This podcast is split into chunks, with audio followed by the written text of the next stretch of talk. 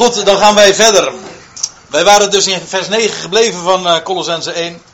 En we hadden het dus over dat gebed van Paulus. En ik had verteld over, uh, in het algemeen iets over de gebeden van Paulus. Dat het hem nooit uh, te doen was om, de, om aardse omstandigheden. Waarbij ik trouwens meteen in de pauze werd aangesproken dat dat niet helemaal klopt. En dat is waar. Laat ik dat meteen dan even vermelden. Er kwam net iemand naar mij toe, ik zal niet zeggen dat het Priscilla was. Dat. Uh, we lezen in van Paulus dat hij uh, in 2 Korinthe 12 dat hij tot God drie keer had gebeden. Of uh, over dat doorn voor het, ja, de doorn in zijn vlees, maar letterlijk staat er die doorn voor zijn vlees. En wat was die doorn? Er wordt heel veel over gespeculeerd en gefantaseerd. En dat het een of ander lichamelijk ongemak zou zijn. Maar Paulus legt het zelf uit wat het is. Het is namelijk een, een boodschapper van Satan, zo zegt hij. Dat wil zeggen, een, boods, een engel des Satans, maar dat wil zeggen een boodschapper van de tegenstander die hem met vuisten sloeg, lees je. Iemand die het voor zijn vlees, niet, dat bedoelt hij niet fysiek, maar gewoon voor zijn ego, voor zijn vlees dus. Hè, het hem zo moeilijk maakte. En de hele context van de 2 Korinthe 12 en 11 trouwens, en hoofdstuk 10 ook, maakt duidelijk dat het ging om de tegenstander waarvan hij werd beschuldigd. Nou, en dan lees je dat Paulus inderdaad tot drie keer toe God bidt. Of die, die boodschapper van, van de tegenstander zou, van hem zou aflaten. En wat is dan het antwoord? Dat klopt dus als dat als tegenwerping gezegd wordt van ja, zie je dat Paulus toch wel degelijk gebeden heeft voor iets over zijn omstandigheden. Dan zeg ik, dat is waar. Maar nu even, als we het hele verhaal dan even lezen, namelijk ook inclusief het antwoord dat hij van God krijgt, dan is het antwoord, mijn genade is jou genoeg. Want mijn kracht wordt in jouw zwakheid volbracht. En dan is vervolgens Paulus' conclusie. Dus zal ik gaarne roemen in zwakheden en in benauwdheden, in, in smaadheden en wat nog meer, wat zegt hij allemaal erbij. En dan eens heeft hij zijn les geleerd. Daar ging het allemaal niet om. Hij zegt, Gods genade is elke dag, ik zeg nu even met mijn eigen woorden, genoeg. zelfs meer dan genoeg, rijkelijk. Dat was het antwoord dat hij van boven kreeg. En wat je dus uh, dan vervolgens in de brieven ook inderdaad altijd aantreft, is dat hij daarvoor bidt. Want dan is vervolgens de vraag: als wij alles in hem hebben, wat is, en zelfs ook als het gaat om de aardse omstandigheden, de verzekering dat alles, uh, hoe zegt uh, Romeinen 8 dat, ten goede gekeerd wordt. Nee, ten, ten goede meewerkt, zo moet ik het zeggen. Dat, alles, dat hij alle dingen doet medewerken ten goede voor hen die God lief hebben. Wat is dan het gebed? Wel dat we zouden beseffen hoe rijk we zijn in hem. Daar gaat het altijd maar om. En dat zie je dus hier ook, dat gij met het besef van zijn wil vervuld mogen worden. En we hadden het nog even over Romeinen 10, over dat woord besef dat daar ook gebruikt wordt. Alleen weergegeven met verstand. Nog eventjes over diezelfde uitdrukkingen. Dat gij met het besef van zijn wil vervuld mogen worden. Als je even doorbladert in dezezelfde brief. Dan lees je in hoofdstuk 2. En dan zijn we inmiddels in vers 2 aangekomen. Wat hij daar ook mee bedoelt. Dan gebruikt hij ook dat, die metafoor van, van volmaken. En zelfs van overvloeien. Ik lees het ook om nog een andere reden voor. Namelijk omdat het gaat over die, die wil van God. En wat wil God? Wel, in vers 6 lees je van dat tweede hoofdstuk.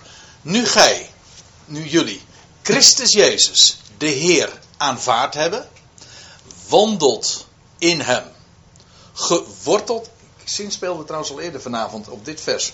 Geworteld en dan opgebouwd wordend in hem. Bevestigd wordend in het geloof, zoals u geleerd is, door die Epaphras dus. Overvloeiende in dankzegging.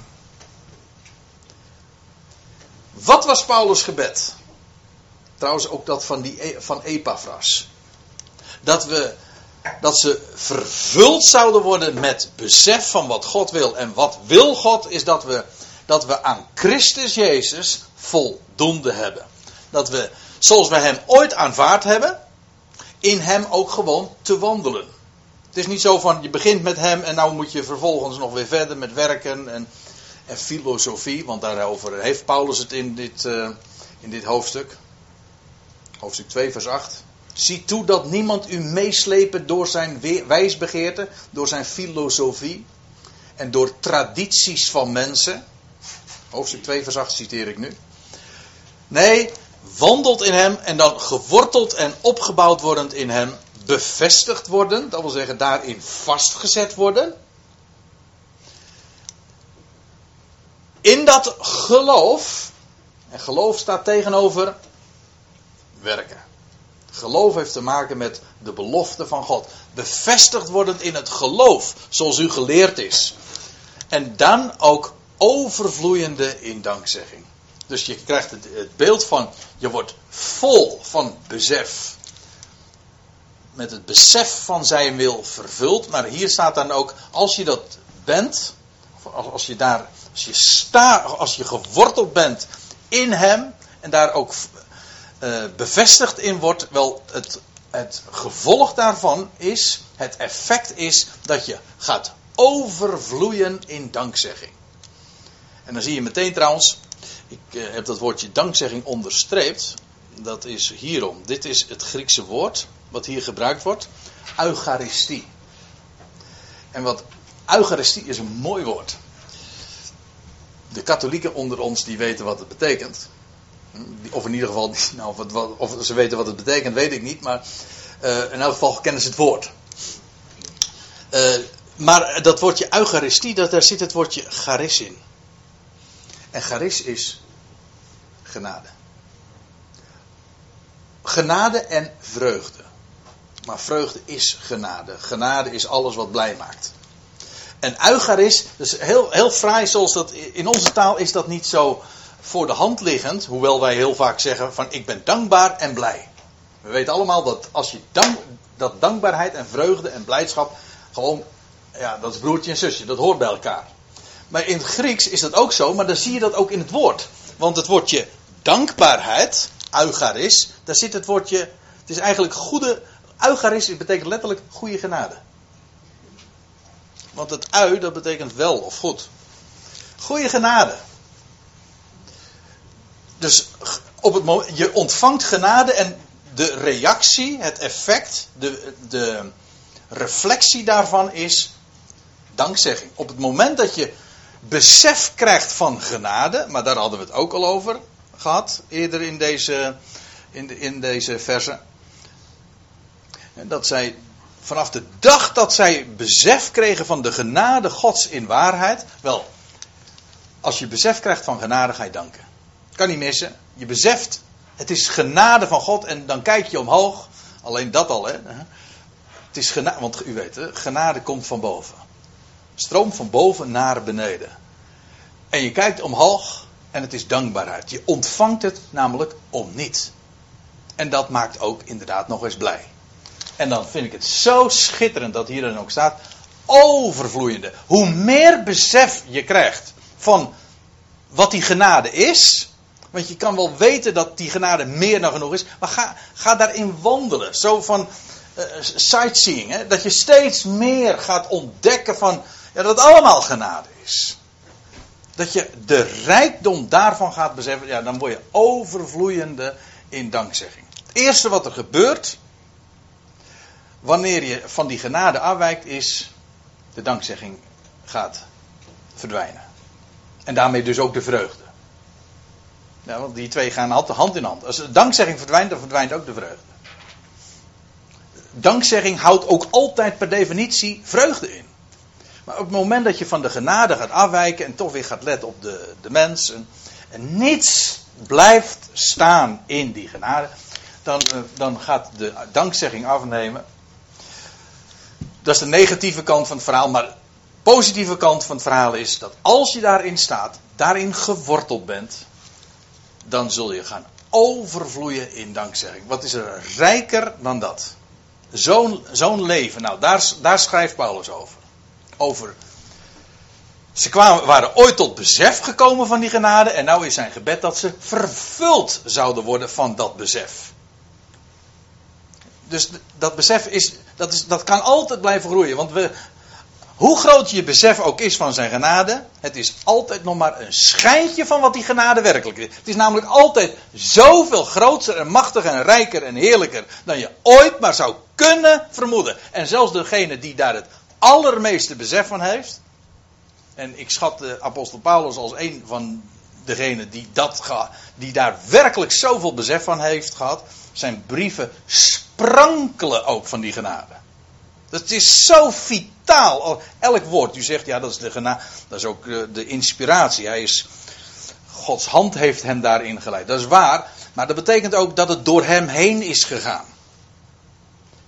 Maar zelfs hij, hij trouwens, dat, schrijft hij zo in, uh, op verschillende plaatsen ook in zijn brief. Zelfs hij heeft niet anders dan alleen maar een glimp opgevat van Gods genade. Maar wat kan die genade in een mensenleven doen? Het maakt je overvloeiende in dankzegging. Wie praat nog over bepaalde omstandigheden? Als, als je in die. Want het gaat namelijk niet om welke omstandigheden je bevindt. Dat is in wezen niet het interessantste. Sterker nog, dat doet eigenlijk niet eens ter zake. We hebben zo allemaal onze wensen daarin. Maar waar het werkelijk om gaat, is dat we van binnen gewoon in ons hart vreugde kennen, vrede kennen. Dat je overvloeit van dankzegging. Wat is er grootste dan dat? Nou, dat is wanneer je mag staan op die genade. En dat is wat Paulus dus ook voor hen bidt. Dat ze zouden gaan dat ze besef, nee, dat ze besef, nou moet ik het goed zeggen, dat ze met de besef van zijn wil vervuld mogen worden. En dan staat erbij, in alle wijsheid en geestelijk inzicht. Dat woordje inzicht, ik had het juist vanavond eh, met mijn dochter nog eventjes over. Het ging even over, ehm, zij zit in de examenklas. Het ging over een bepaald vak. Ze zegt, ja, ik heb daar niet zoveel... Uh, ik, ik kan dingen wel leren, maar ik begrijp het niet goed. Dat wil zeggen, ik heb geen echt inzicht. En dat is wel leuk dat zei ik ook tegen haar. Ik zeg, eh, dat is grappig, want juist uh, bij de voorbereiding van deze, van deze studieavond heb ik daar nog over nagedacht. Want dat woord inzicht in het, in het Grieks, dat is dit woord, synesis. En als je dat woordje sun, dat, is, dat betekent samen. Dat andere betekent samenlaten. Het idee van dat woord is dat je de dingen samenlaat. Dat, je, dat dingen samengebracht worden. Dat het in, maar dat betekent dus ook dat het, zoals wij dat ook zeggen, samenhang hebben. Dat is ook echt inzicht. Je kunt bepaalde dingen weten. Dat is op school ook, waar mijn dochter het dus over had. Je kan dingen gewoon in je kop stampen. Ja, maar dat is wat anders dan dat je het, het hele, dat je overzicht hebt. Dat je het concept begrijpt. Dat je de samenhang ziet. Dat je het, ja, het verband ziet van de dingen. Nou, dat is wat, het woord wat, wat Paulus hier ook gebruikt. En hij spreekt hier over geestelijk, uh, geestelijk inzicht. Um, ja, inzicht ook in de, in de dingen van de wereld. Dat je het verband gaat begrijpen van dat wat je ziet en dat wat er in het woord staat geschreven. Uh, vorige week toen had ik nog een, een gesprekje met uh, iemand. Die zei hij van ja, ik lees eigenlijk de krant maar om één reden. Dat vond ik wel heel mooi. Uh, het nieuws in het algemeen volgt hij. Hij zegt gewoon in het licht van het profetisch woord. Hij zegt vooral, ik ben altijd heel erg benieuwd, met name op wat er in het Midden-Oosten speelt. Want juist daarover gaat dat profetisch woord. Dat is het centrum van de hele wereld, van het hele wereldgebeuren. En de kranten bevestigen dat inderdaad maar om gewoon het nieuws te volgen bij het licht van het woord van God. Dus van ja, die gegevens, dat wat zich voordoet, om, om het verband tussen dat wat je ziet en wat je leest en wat, het, wat speelt, de ontwikkelingen die er ook gaande zijn in de wereld, dat je dat in verband kan brengen met dat wat staat geschreven. Dat is inzicht. Dat is geestelijk inzicht. Dat je de wereldse dingen, dus gewoon dat wat we allemaal meemaken en lezen en dat we, wat we volgen, dat je dat in verband kan brengen met wat er werkelijk toe doet, namelijk wat er staat geschreven.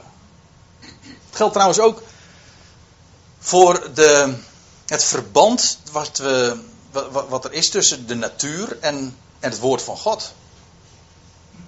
Ik, ik vind het zelf altijd uh, prachtig als ik, uh, als, als ik me ermee bezig ben. Ik ben niet echt een natuurman, maar ik vind het altijd schitterend om dan het, het verband tussen de, de dingen in de schepping, zoals God de dingen gemaakt heeft, in, in de plantenwereld, in de dierenwereld, gewoon in het algemeen. Om het verband te zien tussen dat wat, je, ja, wat in de biologieboeken staat beschreven. En wat we allemaal meemaken, wat uh, nog niet zo lang geleden, dat was met de eerste paasdag. Toen, hebben we eh, toen heb ik gesproken over vroeg in de morgen. Toen hadden we het over de lente en over het voorjaar en over het feit dat nou, wat er dan allemaal zo speelt in de natuur. Nou, als je het verband tussen die dingen gaat zien en de geestelijke waarheid die het uitdrukt, schitterend. Want dan gaat namelijk alles waarde krijgen. Dan ga je het verband zien tussen gewoon het leven van alle dag en dat wat we allemaal waarnemen. Maar je ziet veel meer. Voor ons heeft het waarde. Dat wil zeggen, heeft geestelijke waarde. Het is de uitdrukking van, van de waarheid van God zelf. En wat hij voornemens is en wat hij heeft laten optekenen. Alles is één. En als je die samenhang ziet, dat is geestelijk inzicht. Dat is ook wat de, het leven rijkdom geeft. Want in wezen wordt dan eens, alles krijgt waarde. Alles wordt namelijk, alles is de uitdrukking van, van geestelijke schatten. En ja, je, je, je, je krijgt dus met recht dus een heel rijk leven. Omdat alles wat je ziet en, en meemaakt en hoort, krijgt waarde. Het spreekt van, van, van niemand minder dan van hemzelf. Van onze rijke God. En dan kun je natuurlijk wel praten over, over, over normen en waarden. Kent u dat? Ja, over de normen en waarden. Maar daar word je. Nou ja, inmiddels is het kabinet uh, Balkenende alweer een heel tijdje achter ons. Maar uh, die maakte zich met name daar sterk op. Maar in het algemeen, er wordt gesproken over normen en waarden. Maar het leven heeft pas echt waarde als je God kent. Als je niet weet dat er één God is, en of, als je er niet mee rekent, dan heeft, is leven feitelijk waardeloos. Heeft leven namelijk ook geen zin, geen doel. Het is, ik las, uh, was vorige week van iemand, dat was een sterrenkundige, en die, die, schreef, die had het over ja, een vergelijking tussen de, de mensen in de, in de middeleeuwen en de mens in de 21ste eeuw, wij dus. In het algemeen. Als een beschrijving van wat er in de, in de middeleeuwen was en, de, en de, dat wat wij nu zijn en zoals wij de dingen beleven. Hij zegt, als een middeleeuws iemand omhoog keek, dan keek hij in een kathedraal. In een machtige creatie van God. Nu uh, ziet de moderne mens, als die al überhaupt omhoog kijkt, hm, dan ziet hij de gevolgen van een Big Bang. Wat een ontluisterend verschil. En dan zijn wij ontwikkeld. Wij zijn verder. Ja, van de bron vandaan. Van huis vandaan. Of dat je een geweldige creatie ziet van God, waarbij alles betekenis heeft, waar ook de sterrenbeelden, niets gebeurt voor niets. Alles heeft betekenis. Nou, als je zo in het leven staat, heeft alles waarde. Nou krijg je dus met recht een waardevol leven, een, een rijk leven. Dan is ook alles ontzagwekkend, is alles eigenlijk ook heilig, want alles spreekt van Hem. Ja, of, uh, of het leven is inderdaad waardeloos. En dan heeft het ook helemaal geen zin meer om over normen te praten. Want een norm is niks anders dan een bescherming van een waarde. Nou ja, over normen zullen we het nu verder niet over hebben. En over, het gaat ook helemaal niet over, uh, over moraal. Het gaat hier, want dat is wat Paulus schrijft, over het besef van zijn wil. Uh, vervuld mag worden in alle wijsheid en geestelijk inzicht. Over dat woord inzicht had ik het al. Maar over wijsheid dat woord ge, uh, wijsheid gebruikt hij ook nog in het vierde hoofdstuk. Dus misschien wel goed om dat even op te wijzen. te wijzen, ja. Dan schrijft hij in vers 5 van het vierde hoofdstuk: wandelt als wijze. Letterlijk staat er: wandelt in wijsheid. Ten opzichte van hen die buiten staan. En dan daarachter: maakt u de gelegenheid ten nutte. En als u het mij vraagt, is dit tweede een toelichting op het eerste. Want wijsheid heeft te maken met dat je dingen die je weet ten nutte maakt. Weet daarvan te profiteren. Dat je het waarde geeft door het in de, in de praktijk ook te gebruiken. Dat is een vrij algemene definitie. Het verschil tussen kennis en wijsheid. Wijsheid heeft te maken met toegepaste kennis. Dingen die je weet ook daadwerkelijk in de praktijk, gewoon van elke, elke dag, weten toe te passen. Zodat je de dingen ten nutte maakt. Wandelt, als in, wandelt in wijsheid ten opzichte van hen die buiten staan een van de uh, heel zo bevrijdende dingen die je ook in zo'n brief tegemoet komen als je daar nader kennis van maakt, neemt, vind ik, is dat Paulus wars is van, van moralisme of van het opgeheven vingertje of spreken over fatsoen. Het, hij, hij spreekt over dingen die waarde hebben. En niet over, over wat mag en wat niet mag.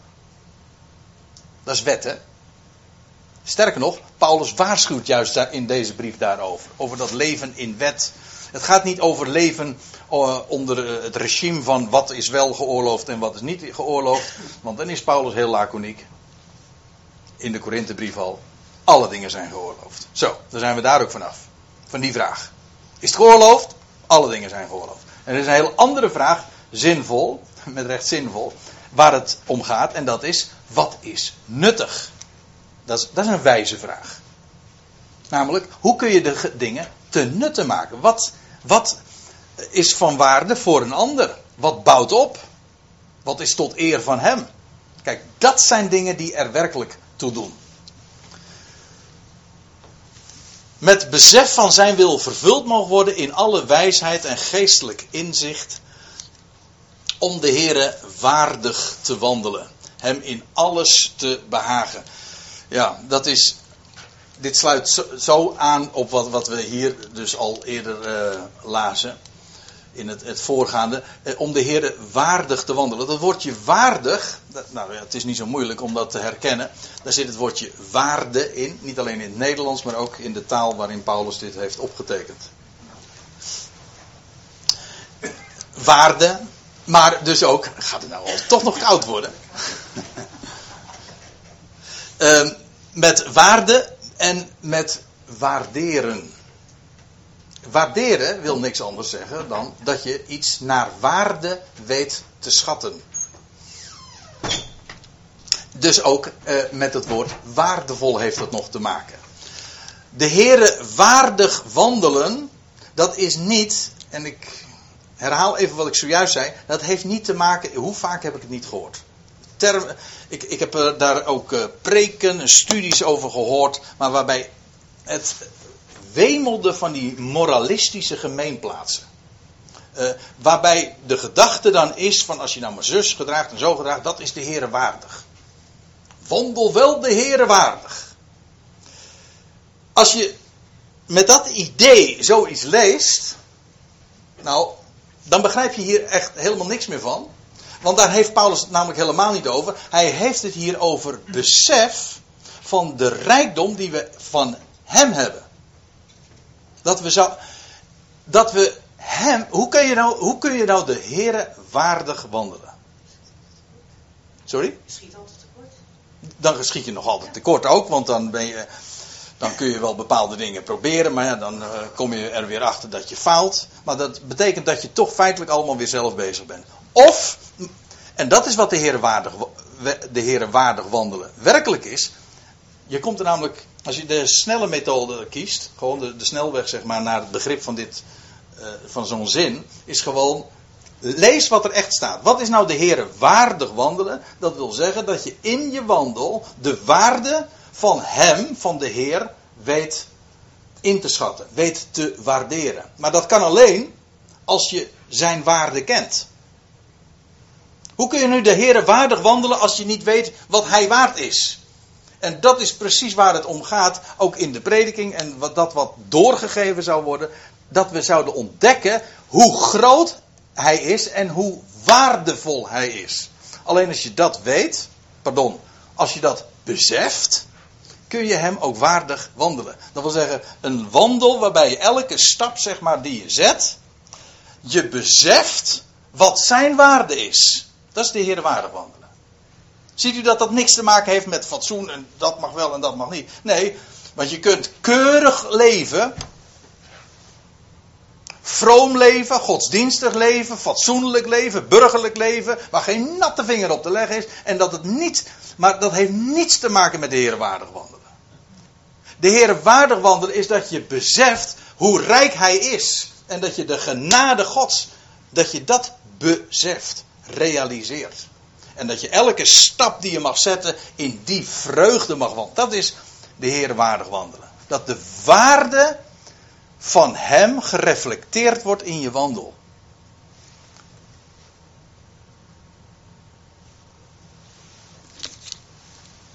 Hem in alles te behagen. Ja, wat, dat is in wezen hetzelfde. Wat behaagt de Heer? Wel dat we zouden beseffen, dat we zouden realiseren wie Hij is. Hoe rijk je bent. Is dat dan waardeloos vertaald? um, wat is waardeloos vertaald? Bedoel je meer specifiek dit? Ja, nou, waardeloos. Nou, als, ik weet niet of het zozeer waardeloos vertaald is. Ik denk meer dat, we, dat het door, uh, door de godsdienstige interpretaties waar we mee overladen zijn, dat we geen idee meer hebben van wat zo'n woord eigenlijk nog betekent. Ja, wat waarde ervan is. Wat, precies. Als we echt, als we even inzoomen op dat woord, wat betekent waardig? Nou, dat heeft te maken met waarde. En met waarderen. Daarom is het zo belangrijk dat je inderdaad hem leert waarderen. Je kunt wel de, tegen mensen gaan zeggen, ik kreeg juist vandaag nog weer een mail van iemand. En die, die vond dat ik toch in, in prediking. Nou, nou aarzel ik even. Nou ja. Van uh, iemand die uh, vond dat, dat er toch veel meer gewaarschuwd moest worden voor bepaalde gedragingen. En dan kun je natuurlijk klagen over toestanden. En ik denk altijd, dat is paard achter de wagen spannen. Je moet, je moet niet, dat is allemaal negatief. Je kan, je kan natuurlijk uh, je kan vraagtekens achter allerlei gedragingen zetten. Maar om de prediking nu te gaan, uh, te gaan inzetten. Hè, het doorgeven van het woord. Om tegen dat soort dingen te gaan waarschuwen. Dat is met recht het paard achter de wagen spannen. Want waar het werkelijk om gaat is dat mensen zouden leren wat het, hoe waardevol het is om Hem te kennen en de rijkdom van Zijn woord. En ik ben ervan overtuigd, als je dat weet, dan gaat je leven inderdaad waardig worden. In de zin van waardevol. Een waardevol, rijk leven. Ik denk wel eens een keertje van. Nou, uh, ik, nog niet zo lang geleden hebben, ik heb met uh, Petra, ze kan ervan uh, ze kan beamen, heb ik nog over gehad. Hoeveel levens niet echt, hoe godsdienstig ook. Sterker nog, juist daar valt het zo op, want daar is de pretentie nog van. Uh, ja, dat zou iets van evangelie, want dat noemen ze dan ook nog evangelisch en christelijk enzovoort. Maar het is zo waardeloos. Ja, ik zeg het nu echt met, uh, met een klemtoon op al die lettergrepen waardeloos leven. Een leven waarbij alleen maar wet gereflecteerd wordt. Waar, waarbij dat aan uit de verf. En dat betekent ook altijd veroordeling. En dus ook hypocrisie. Want jij bent beter dan zij. Dan Hully. Hè?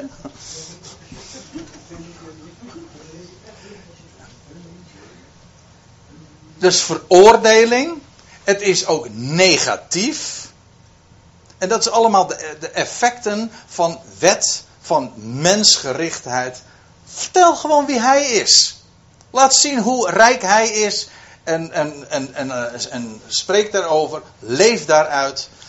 En dat is de Heer. Uh, dat is de Heer waardig wandelen, hem in alles te behagen. En dan staat erbij nog in alle goed werk vrucht te dragen en op te wassen in de rechte kennis van God. Nou, eerst even over deze eerste zin nog.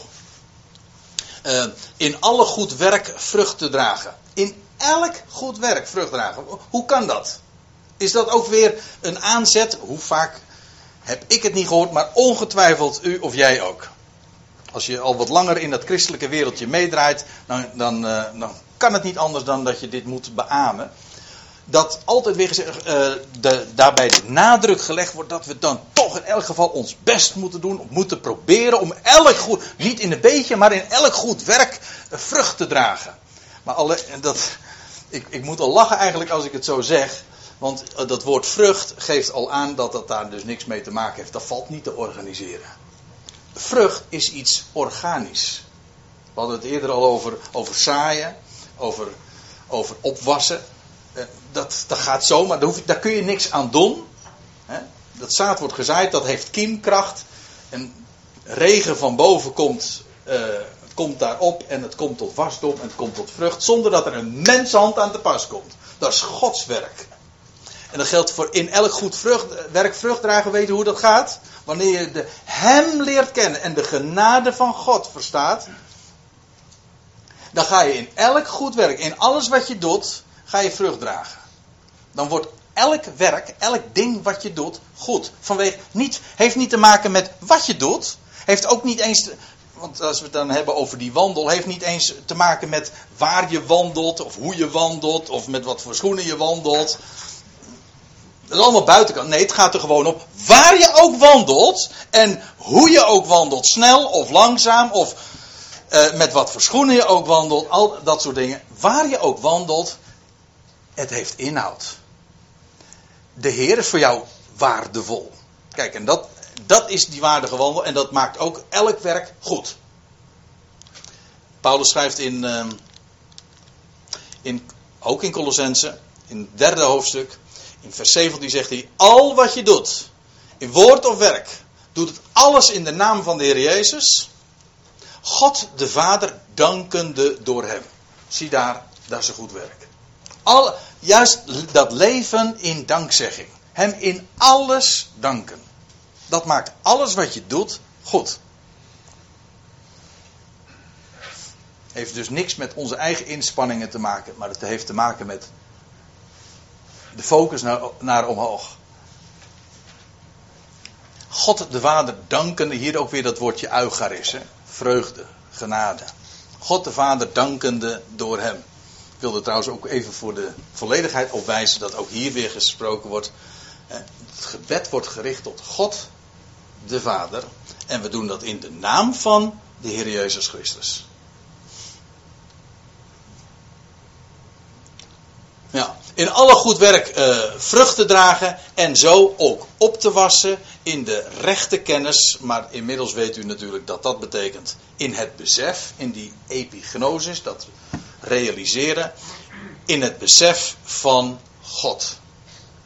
Uiteindelijk zie je dat het toch dan weer een soort cirkelgang is. Want het begon met het besef van God en het eindigt er ook weer mee.